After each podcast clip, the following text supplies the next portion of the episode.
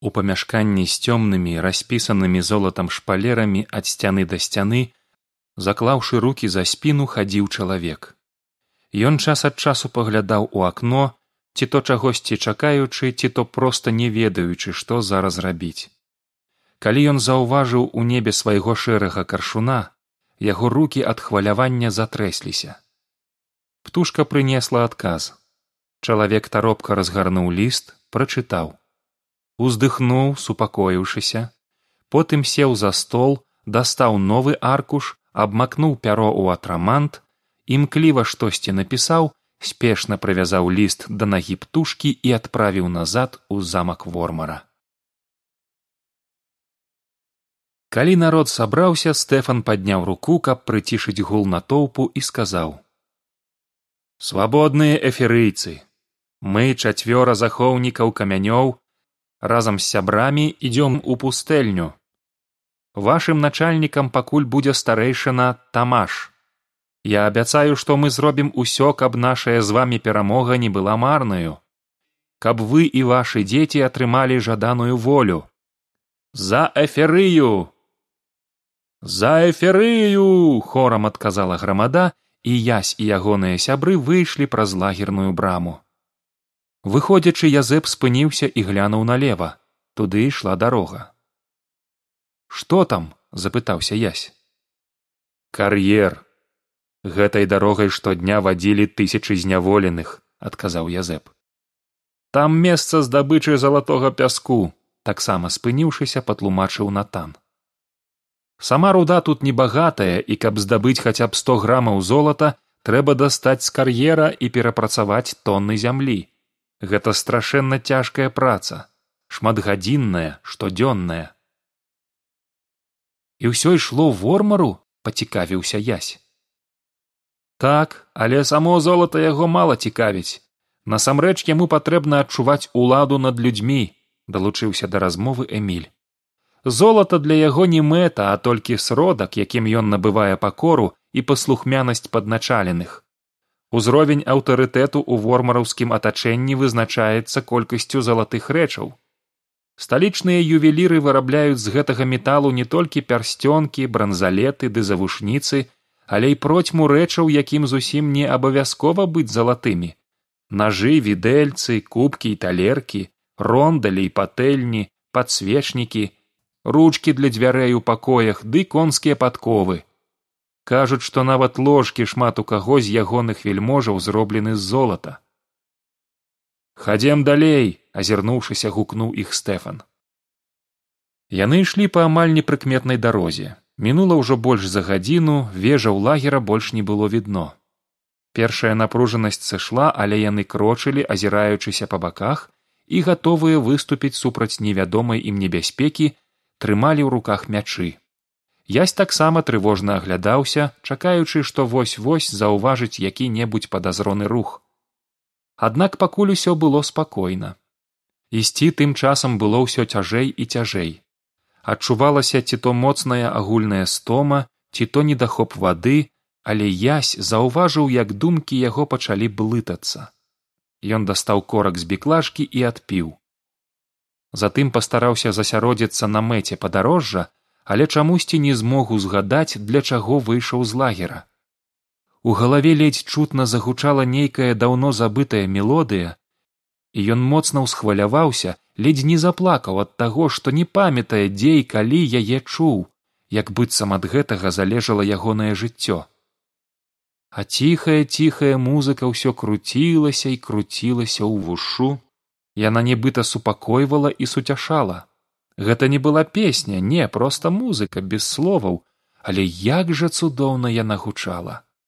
Я стараўся пачуць яе больш выразна. Яна ўзмацнілася і раптам аказалася што ён чуе музыку як быццам бы навокал сябе самога. Мелодыя была такой прыгожай што немагчыма было перастаць яе слухаць. Язь з заміраннем чакаў кожнага новага гуку і захапляўся ўсё болей і болей музыка то мякка зачароўвала то як вострае халоднае лязо трапляла ў самае сэрца.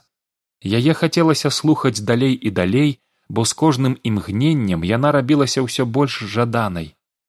Па шчацэ хлопца папаўзла сляза. Ён не мог больш стрымліваць свае пачуцці. Ён быў збянтэжаны агаломшаны мелодыяй. Яму здавалася што сам ён як быццам знікае сярод дзіўных гукаў але адначасова і робіцца такім жа вялікім як сама гэтая музыка. Паступова я і зразумеў што мелодыя чагосьці хацела. Так гэта было выразнае жаданне тое моцнае пачуццё якое ён адчуў з першых гукаў але ў якім не мог разабрацца. Музыка хацела захапіць яго а самому ясю хацелася застацца тут назаўжды прыпыніцца і слухаць не перастаючы мелодыя ўсё гучала і гучала і ясь не мог і не хацеў разрываць гэтае зачараванае меладычнае кола якое заглушала трывогу і непакой. І яму здалося сапраўды добрай ідэяй спыніцца застацца тут хаця б на вечар. Не лепш на вечар і заўтрашні дзень. Ён сеў на пясок у горле зусім перасохла ясь зноў дастаў біклажку і больш не эканомічы пачаў прагна піць. Вада струменьчыкамі сцякала па яго барадзе. Мелодыя быццам зразумеўшы яго рашэнне спыніцца загучала мацней ударыла новымі ўрачыстымі акордамі ясь адчуў як нешта ўнутры забалела. Душа яго быццам сціснулася замітусілася шукаючы паратунку. І чым гучней грала гэтая музыка тым мацней праяўляўся боль ясь паваліўся на пясок скурчыўся. Ён хацеў пазбыцца болю але адначасова прагнуў каб музыка працягвалася. Аднак жа цяпер кожная такая жаданая нота несла з сабой пакуту якая станавілася ўсё больш невыноснай. Змоўкні раптам выгукнуў язь мелодыя спынілася быццам вычэкваючы. Язь падняўся і паспрабаваў ісці цяпер ён чуў вельмі выразна толькі рыпенне пяску под нагамі. Дзіўна адчуваючы сябе як быццам у сне падумаў ён колькі ўжо мы прайшлі а я не ведаў што пясок тут так гучна рыпіць. Гэтае рыпенне маленькіх пясчынак адна аб адну моцна біла па вушах. Галава расколвалася і як ні стараўся язь асцярожна ставіць ногі на пясок каб пазбегнуць гэтага нахабнага надакучлівага шуму але гэта зусім не дапамагала. І тады язь падумаў што без гэтай музыкі ён не зможа жыць. Быццам бы адкрыццё нахлынула на яго. Без яе ён не выжыве не здолее. Яму стала кепска задрыжалі руки перахапіла дыханне. Ён зразумеў што трэба ратавацца. Хай будзе балець але лепш так чым без яе. Гучы іграй закрычаў ён у пустэчы мелодыя зноў загучала і ў яе пералівах ён нечакана зразумеў што ўмова якую выстаўляла музыка была не ісці далей. Больш за тое каб чуць яе заўсёды ён мусіў абавязаны быў вярнуцца назад. Там жа было не так кепска. Там можна адпачыць ад усяго ў лагеры. Там няма гэтага пяску і там будзе толькі музыка праносіліся ў галаве думкі. Боль стаў амаль незаўважным быццам даючы ясю магчымасць сканцэнтравацца і прыняць рашэнне. Мелодыя таксама адступіла кудысьці далей іграючы зараз соладка і ціха. Гэтая да смерці прыгожая музыка прасіла прымушала яго развярнуцца. Канечне вінаватыя тыя з за каго мне прыходзіцца пакутаваць і рызыкаваць! Як праз смугу падумалася ясю і мірка вінаватая. Чаму яна захварэла? І калі мама памірала чаму яе ніхто не збавіў? Усё гэта бессэнсоўна. Чаму я павінны зараз з кімсьці змагацца і штосьці шукаць? Мне трэба проста адпачыць. Усё што тут не мая справа. Гэта нейкі суцэльны падман фікцыя. Мне трэба адумацца а не ісці ісці ён зноў сеў і паспрабаваў узгадаць куды яму трэба ісці. Але акрамя нейкіх цьмяных урыўкаў пра кінжал чырвоны мячык і моцны халодны дождж нічога не змог узгадаць.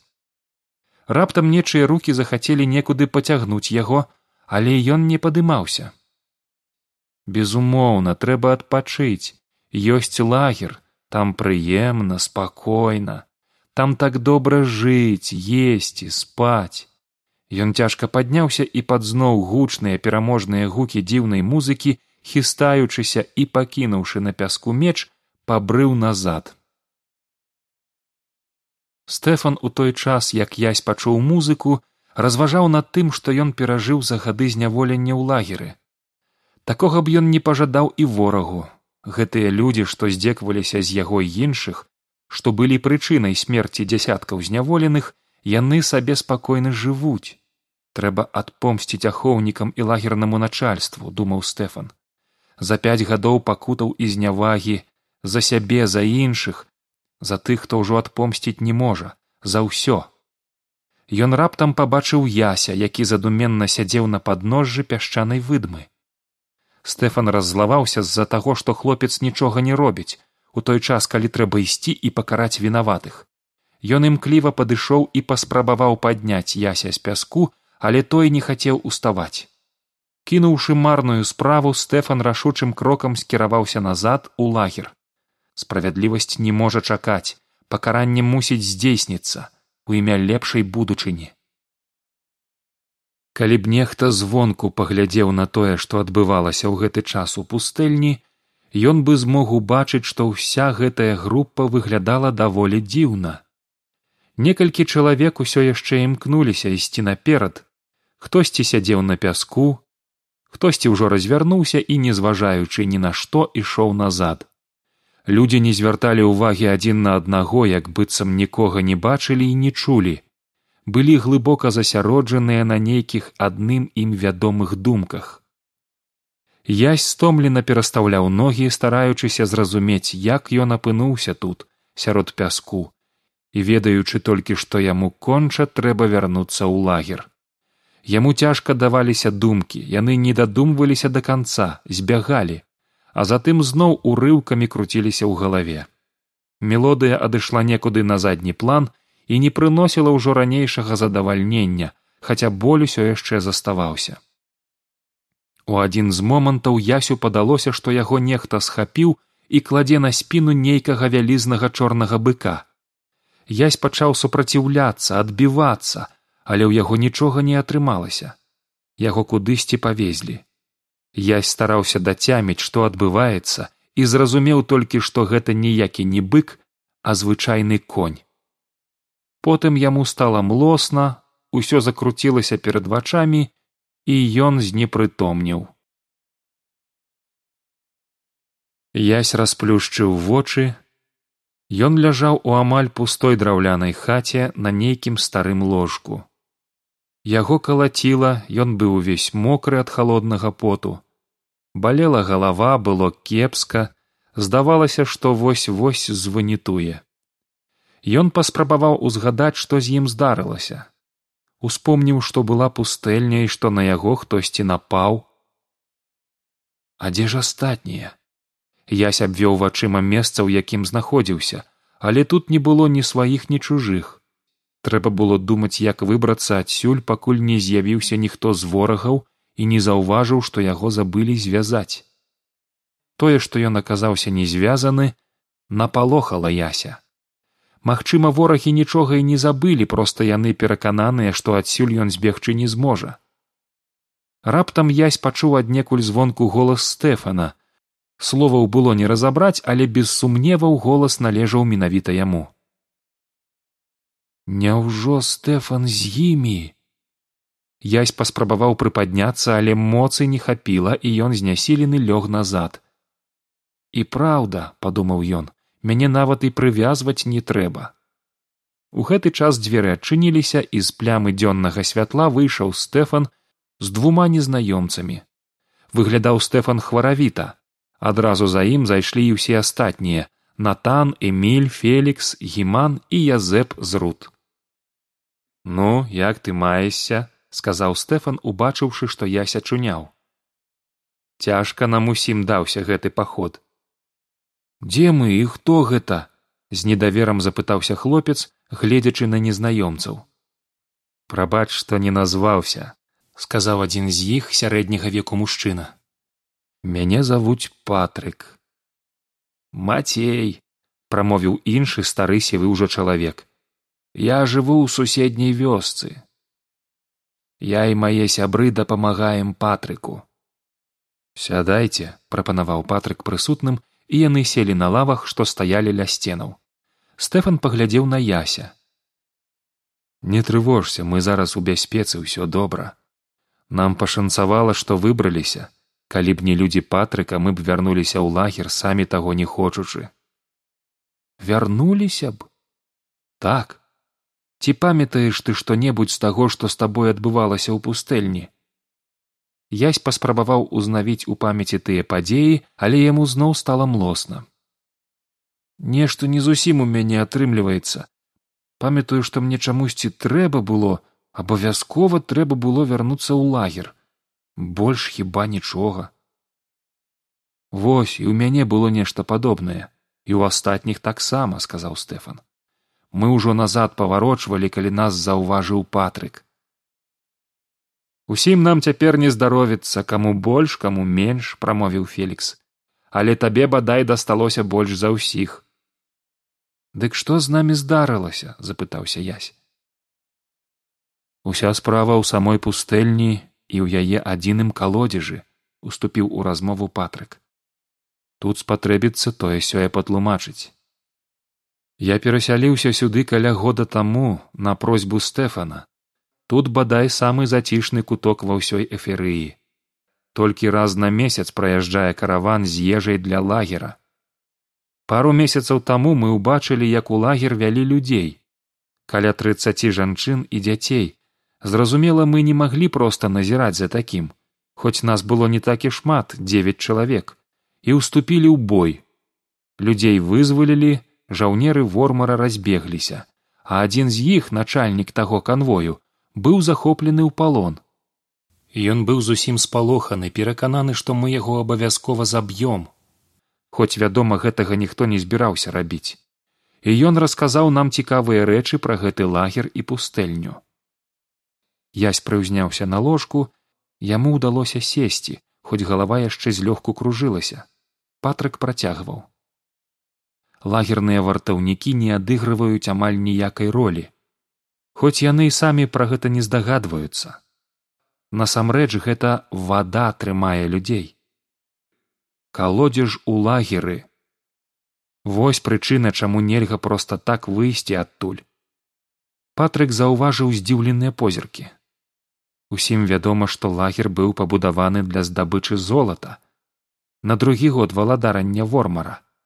Аднак мала хто ведае што падчас будаўніцтва каля залатога радовішча знайшлі ваду закінуты калодзеж адзіны на ўсю пустэльню. Начальнік канвою пераконваў нас што варта выпіць той вады і ты з пустэльні ўжо выйсці не зможаш. Але ж лагерныя ахоўнікі самі п'юць гэтую ваду сказаў фелікс. Так. І таму калі яны хочуць вярнуцца назад іх напойваюць віном каб яны ўжо не маглі стаяць на нагах і забыліся сном без сноў. У такім стане іх чым хутчэй вывозяць з лагера. Я аднойчы бачыў як імчаліся гэтыя фурманкі. Гэта няшчасныя людзі. Я чуў гісторыі пра тое што калі яны вяртаюцца дамоў у свае гарады яны не знаходзяць спакою не могуць спаць і крычаць ад жаху ўночы ды выюць ад тугі днём. Тыя хто з'явіўся ў лагеры толькі учора выпілі ваду там запытаўся натан. Так падчас нарады адказаў стэфан. А я яшчэ і ў самой пустэльні азваўся язь можа быць і праўда справа ў вадзе натан нахмурыў лоб значыць два гады таму ў мяне не было шанцаў вырвацца раптам сказаў стэфан. Калі б не гэта. І ён паказаў на доўгі шнар на перадплеччы я калі ўцякаў з лагера параніў руку аб горны лёд наверсе сцяны.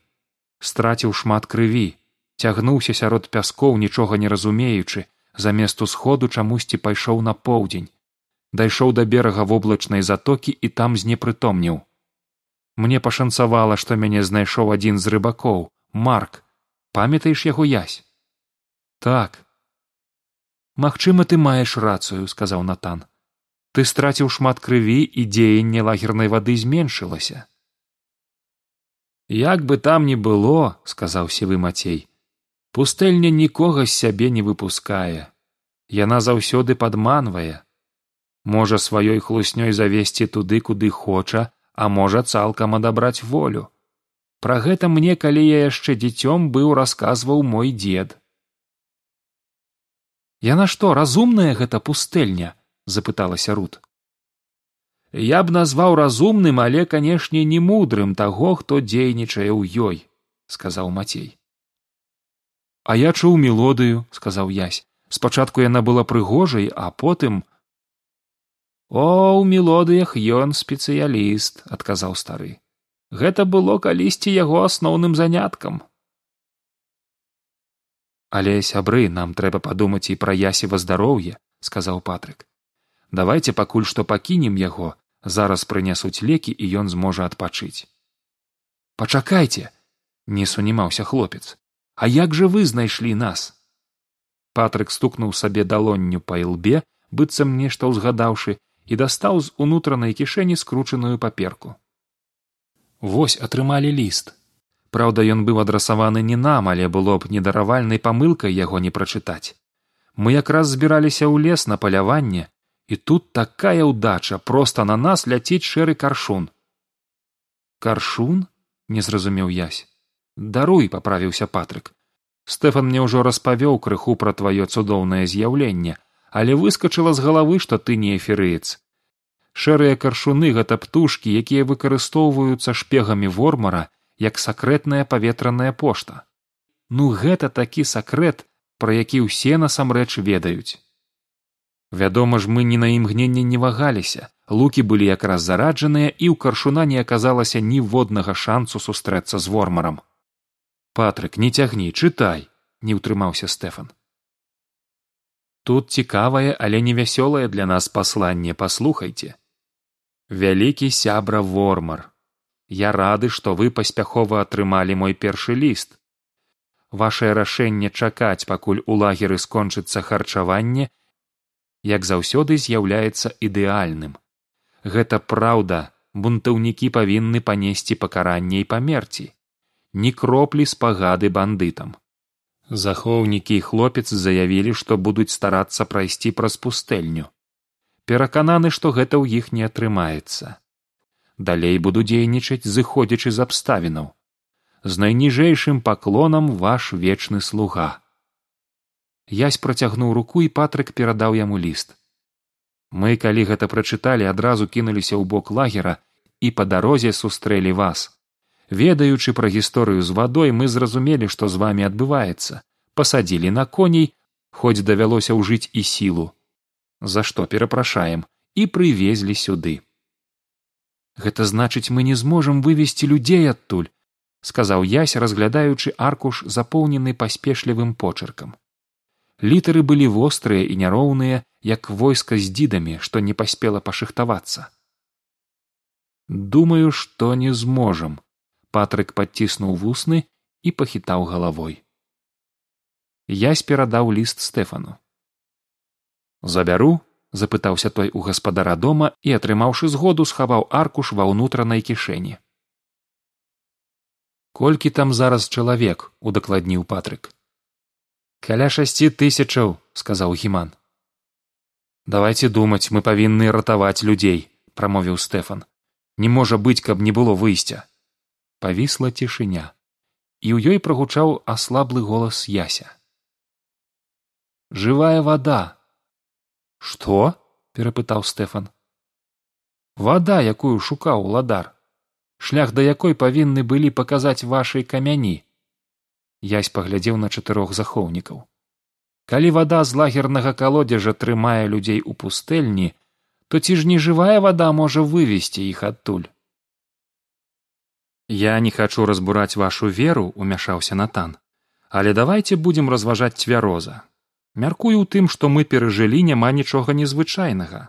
Вада ў лагеры няякасная. Можа стаць прычынай атручвання і пры моцных перажываннях пры абязводжванні на адкрытым сонцы яна безумоўна ўплывае на арганізм і значыць можа выклікаць рознага роду відзежы і панічнае жаданне вярнуцца назад вы хочаце сказаць што жывой вады насамрэч няма абурылася рут. Я б сказаў так. Мы не можам быць упэўненымі што жывая вада існуе мы можам здагадвацца што тое што старажытныя хронікі называюць жывой вадой гэта хутчэй за ўсё крыніца якаснай пітной вады пра існаванне якой было вядома нашым продкам. І яны вось у такой паэтычнай метафары перадалі нам свае веды. Зразумела потым гэта абрасло цэлым пластом легендаў але нас гэта не павінна засмучаць. Галоўнае што недзе павінны быць запасы вады якая не нясе шкоды здароўю. А як жа камяні запыталася рут. І тут таксама нічога дзіўнага. Камяні нейкім натуральным чынам павінны паказаць месца але ж вы адзін з захоўнікаў запярэчыў язь вы павінны верыць у жывую ваду тым больш што вормар траціць столькі сілаў каб знайсці яе я веру але ясь мы верым што жывая вада ёсць перапыніў натана стэфан прынамсі я магу сказаць за сябе. І я аддаў ужо шмат часу спрабуючы наблізіцца да разгадкі. Праблема аднак у тым што мы не дабяромся да жывой вады пакуль не знойдзем арыстарха які павінен ведаць штосьці пра петрафор. І пакуль не пераможам вормара у якога застаюцца чатыры камяні з сямі мы не можам перамагчы вормара зараз сказаў фелікс сябры ўсё не так безнадзейна адказаў стэфан дазвольце я вам распавяду тое пра што не ведае пакуль ніхто. За гэтыя два гады я таемна абышоў усе гарады і мястэчкі эферыі шукаючы людзей гатовых падтрымаць выступленне супраць вормара каб вярнуць на пасад законнага ўладара. У кожным з месцаў дзе я пабываў такія людзі знайшліся зараз яны аб'яднаныя ў групы ад трох чалавек да некалькіх дзясяткаў. Справа за малым кінуць кліч па ўсёй эферыі сабраць людзей у вызначаны дзень і ўзяць сталіцу. Ты прапануеш паўстанне запытаў эмиль так. Калі мы гэтага не зробім загінуць усе хто ў лагеры і дарослыя і дзеці колькі часу трэба каб сабраць усіх і колькі можам сабраць запытаўся фелікс некалькі дзён будзе дастаткова. Сабраць мы можам каля чатырох тысячаў чалавек. У кожнага ёсць свая зброя. Стэфан уважліва паглядзеў на суразмоўцаў. У нас з'яўляецца шанец вярнуць усё назад у старыя добрыя часы. Мы здольныя перамагчы. Час прымаць рашэнне. У намёце зноў усе змоўклі. Я за сказаў натан. Я таксама далучыўся эмиль ускокваючы з лаўкі колькі можна баяцца гэтага злодзея? Прыйшоў час дзейнічаць найвышэйшы час. Я з вами сказаў фелікс. Так ці інакш на нас цяпер будуць паляваць усе сілы вормара. Таму лепш падрыхтавацца загадзя і ўдарыць самім там дзе яны не чакаюць. Ого я бачу настрой баявы сказаў язэп. Будзе што будзе давайте ну а ты што скажаш язь запытаўся стэфан. На мяне таксама палююць таму я гатовы. Тым больш калі гэта адзіная магчымасць знайсці жывую ваду. А мяне чаму ніхто не пытае? Рут подняла руку. Між іншым я таксама за. Ну што ж віншую? Урачыста звярнуўся да ўсіх прысутных стэфан. Будзьма цвёрдымі і непахіснымі ў гэтым рашэнні. Яны заняліся распрацоўкай плана стэфан прапанаваў сабраць усіх на свята якое вормар будзе ладзіць у гэтую нядзелю на цэнтральнай плошчы вертагарда. У нядзелю сонцастаяння і вормар будзе адзначаць двадцать чатыры гады свайго прыходу да ўлады сказаў ён. Добрая нагода сабрацца і нам. Ён захапіў эферыю ў гэты дзень запытаўся язь не гэта адбылося познім летам але чаму ён святкуе менавіта ў дзень сонцастаяння невядома у замку праўда гавораць што гэта зусім не таму што ў гэты час больш за ўсё святла а таму што з гэтага дня цемра пачынае прыбываць а святло меншаць. Значыць засталося чатыры дні падсумаваў натан. Мы паспеем у патрыка ёсць спосаб паведаміць усім каму трэба адказаў стэфан. Штогодна гэтае свята вормар збірае каля трыццаці тысячаў чалавек сказаў язэп так у сталіцу будзе ісці народ з усёй эферыі мы з вами добра ведаем што кожны горад павінны будзе паслаць туды людзей.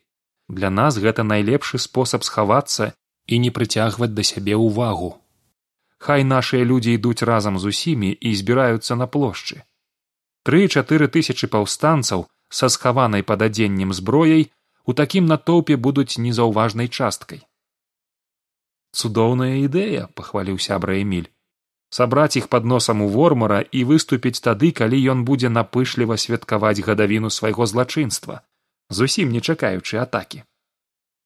Трэба было адправіць кагосьці назад у лагер каб расказаць пра ўсё што даведаліся захоўнікі і каб пастарацца выявіць там здрадніка які адправіў ліст вормару.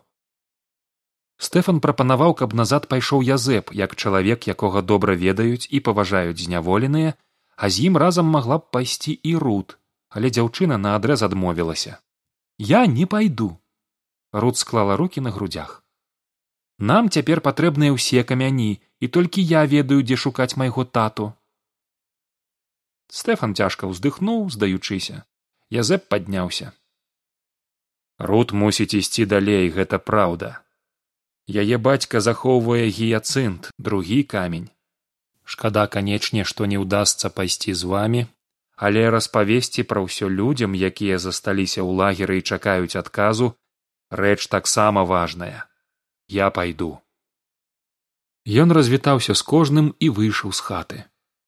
Усе пакінулі пакой і праз некалькі хвілінаў да яся зайшла жанчына. Вітаю мацей сказаў што табе прыйшлося цяжка там у пустэльні. Вось выпі ты зможаш паспаць і табе стане лягчэй што гэта? Напой з кораню сонніку. Дазваляе хутка заснуць і добра выспацца нават калі паспіш толькі гадзіну. На смак напой аказаўся спачатку горкім але затым стаў саладкаватым і свежым. Язь выпіў духмяны ўзвар і прылёг на ложак. Праз хвіліну ён адчуў што засынае. Ляцець і ляцець уніз і ўрэшце нырае ў сон роўны спакойны ціхі сон. Стэфан напісаў лісты ў кожны горад сцісла але даходліва распавядаючы пра план дзеянняў і ставячы ўласнаручны подпіс. План прадугледжваў некалькі асноўных пунктаў. Сабраць людзей верных уладару арыстарху і ўзяўшы зброю рушыць у сталіцу. Там дзе магчыма далучыцца да групаў што ідуць на нядзельны фэст там дзе немагчыма не трапляцца на вочы жаўнерам вормара ідучы ў абход асноўных дарог. Сігналам да пачатку паўстання на цэнтральнай плошчы будзе падняты старажытны сцяг эферыі з выявамі чалавека льва быка і арла. Яся пабудзіў гоман за сценамі дома. Ён устаў адчуваючы што сілы яго аднавіліся і выйшаў. Тут былі ўсе астатнія прычым трое захоўнікаў гіман і рут былі ўжо апранутыя не ў лагерныя робы а ў звычайнае эферыйскае адзенне. Відаць яго дзесьці дастаў патрык. Як ты сябе адчуваеш запытала рут. Дзякуй ужо добра зараз мы адправім лісты нашым сябрам і рушым у дарогу сказаў стэфан. А як мы іх адправім здзівілася рут. Патрык хітра пасміхаючыся адказаў. Хадземце за мною я пакажу і павёў усіх да старых амаль разваленых гаспадарчых пабудоваў. Калі яны параўняліся з першай язь пачуў квактанне і некалькі курэй паважна выйшлі з хлява на вуліцу. Куры здзіўлена запытаўся гіман. Так то бок не. Куры гэта не тое што я хацеў вам паказаць засмяяўся патрык.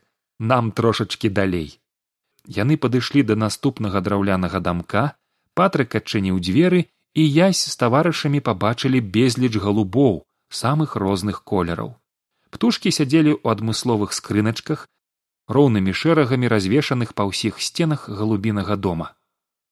Як вы можете бачыць шаноўныя панове жартаўлівым тонам пачаў патрык. Тут адбываецца гадаванне галубоў элітных дарагіх пародаў. Гэтыя галубочки а за некаторых з іх хто ніхто гатовы аддаць нават пазалочаную карету толькі невялічкая справа. Так каб вочы адвесці. Нашая сапраўдная мэта вось. І ён паказаў рукой на наступны дамок. Тут таксама аказалася нямала птушак. Аднак жа яны былі не такімі прыгожымі як папярэднія. Карычневыя белагаловыя я спадумаў што яны вельмі падобныя да звычайных галубоў да якіх ён прывык у сябе дома. Вось што мы падрыхтавалі і хаваем тут. Хто ведае што гэта? Паштовыя галубы наколькі я магу бачыць адказаў натан. Нездарма род першых захоўнікаў лепшы ў навуках пасміхаючыся адказаў патрык. Нашае шчасце што такіх празорлівых навукоўцаў у вормара няма ну прынамсі я такіх не сустракаў. Абсалютна правільна адзначыў наш калега. Гэта сапраўды паштовыя галубы. Нашая таемная зброя ў вайне за праўду і справядлівасць. І куды іх можна адправіць запытаўся гіман. Тут галубы якія ведаюць шлях ва ўсе асноўныя гарады эферыі за некалькі гадзінаў нашыя сябры будуць ведаць усё што неабходна. Таму ты і перабраўся ў гэтую глухамань гэта наш адказ вормару на ягоных каршуноў сказаў эмиль безумоўна. Не толькі ж яму мець такія магчымасці я сюзяўся дапамагаць патрыку прычэпліваць птушкам лісты. За кароткі час праца была зробленая і кожны голуб паляцеў у свой горад. Ну вось і ўсё сказаў патрык. Хай кожны з іх даляціць. Неба гэта дасканалы шлях а нам прыйдзецца крочыць па сумнай цёмнай зямлі уздыхнуў эмиль крочыць нам не прыйдзецца нечакана азваўся ззаду мацей. Ён яшчэ некалькі мужчынаў з ягонай вёскі вялі зааброць коней. Гэтыя коні хоць і без крылаў але лётаюць не горш за птушак. Ясь разумеючы што ягоныя сябры валяцца з ног ад стомы а яму хоць трохі ўдалося адпачыць вырашыў сам усё падрыхтаваць да ад'езду. Паспіце хаця б гадзінку сказаў ён. Пасля пустэльні гэта будзе не лішнім патрык падтрымаў яся і паклікаў усіх спаць. Кагосьці ў хаце кагосьці на сене. Ясь з мацеем накармілі коней і пайшлі рыхтаваць у дарогу ежу для ўсёй групы. Яны назбіралі ў лесе ягад і салодкіх пладоў, падобных да сушаных смокваў. Затым язь прасачыў, каб біклажка кожнага была напоўненая вадою. Праз гадзіну атрымаўшы ад патрыка арбалеты, а ясю і руд дасталіся тыя самыя, што страляюць нажамі, ды паходні, яны выехалі ў дарогу. Варыянтаў як патрапіць адсюль да сталіцы ідучы праз пляскатыя горы было два. Можна было адправіцца на ўсход праз лясы ў абыход гарадоў стараючыся не трапіць нікому на вочы што як прызнаў стэфан было складана. Другі варыянт на поўнач праз вялікія балоты што было амаль немагчыма. Яны канечне ж паехалі на ўсход